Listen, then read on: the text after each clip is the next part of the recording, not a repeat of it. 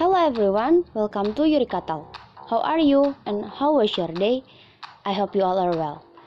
First, let me introduce myself. I'm Yurika Suci Ramadhania. You can call me Yurika. I'm a student from SMK 6 majoring in tourism.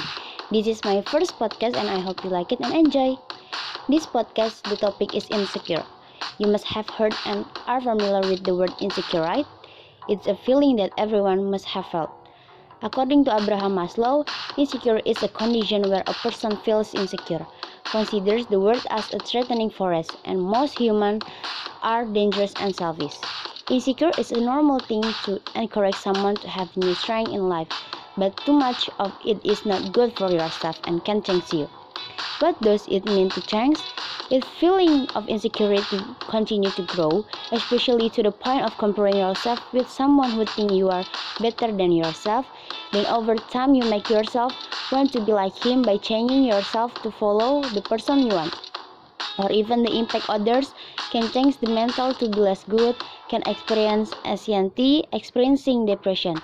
Besides that, another impact of a person's mental change due to insecurity is not daring to go out of their comfort zone because they are afraid of failure or worsening the condition. Then people who feel insecure will feel inferior to others, thus doubting their own ability to do something. One example of this problem is singer and actress from South Korea, namely Choi Jin-ri or known as Sulli. Sulli is a South Korean artist who died due to switch in 2019. After research has been carried out, experts believe that the cause of Sulli's death is an insecure feeling towards netizens' consistent comments on her social media, so that Sulli feels excessive depression and thus disturb her mentality. According to clinical psychologist Melanie Greenberg, PhD, common causes of feeling insecure, namely first, insecure due to recent failures or rejection. Based on research on happiness, recent events greatly affect our mood and feelings about ourselves because unhappiness affects self-esteem.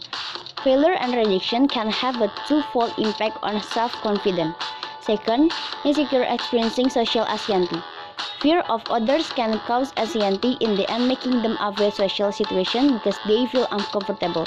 This type of insecurity is basically based on belief that they fight from their self-esteem. Third, insecure driven by perfectionism. Some people have very high standard in everything they do. Unfortunately, life doesn't always turn out the way they want it to be. If you are consistently disappointed and blame yourself for being less than perfect, then there will be feelings of discomfort and unworthiness.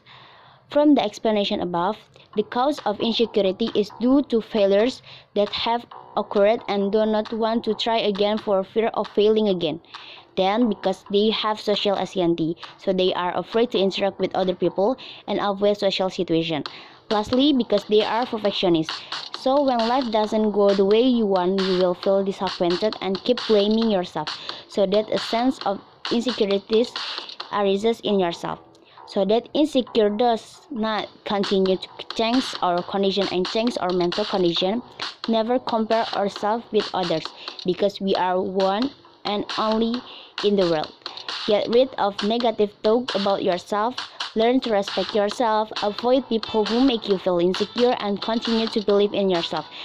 Doing activities that we enjoy can also reduce feeling of insecurity because we will feel happy, so it is unthinkable to feel insecure. And loving ourselves is very important because by loving ourselves, then we will be able to accept everything that is in ourselves, feature it to be our weakness and our strengths. That's my podcast for today. Thank you all for listening. I accept all of your critics and suggestions, more or less sorry. Sorry if there are any mistakes during the, this podcast. See you next time.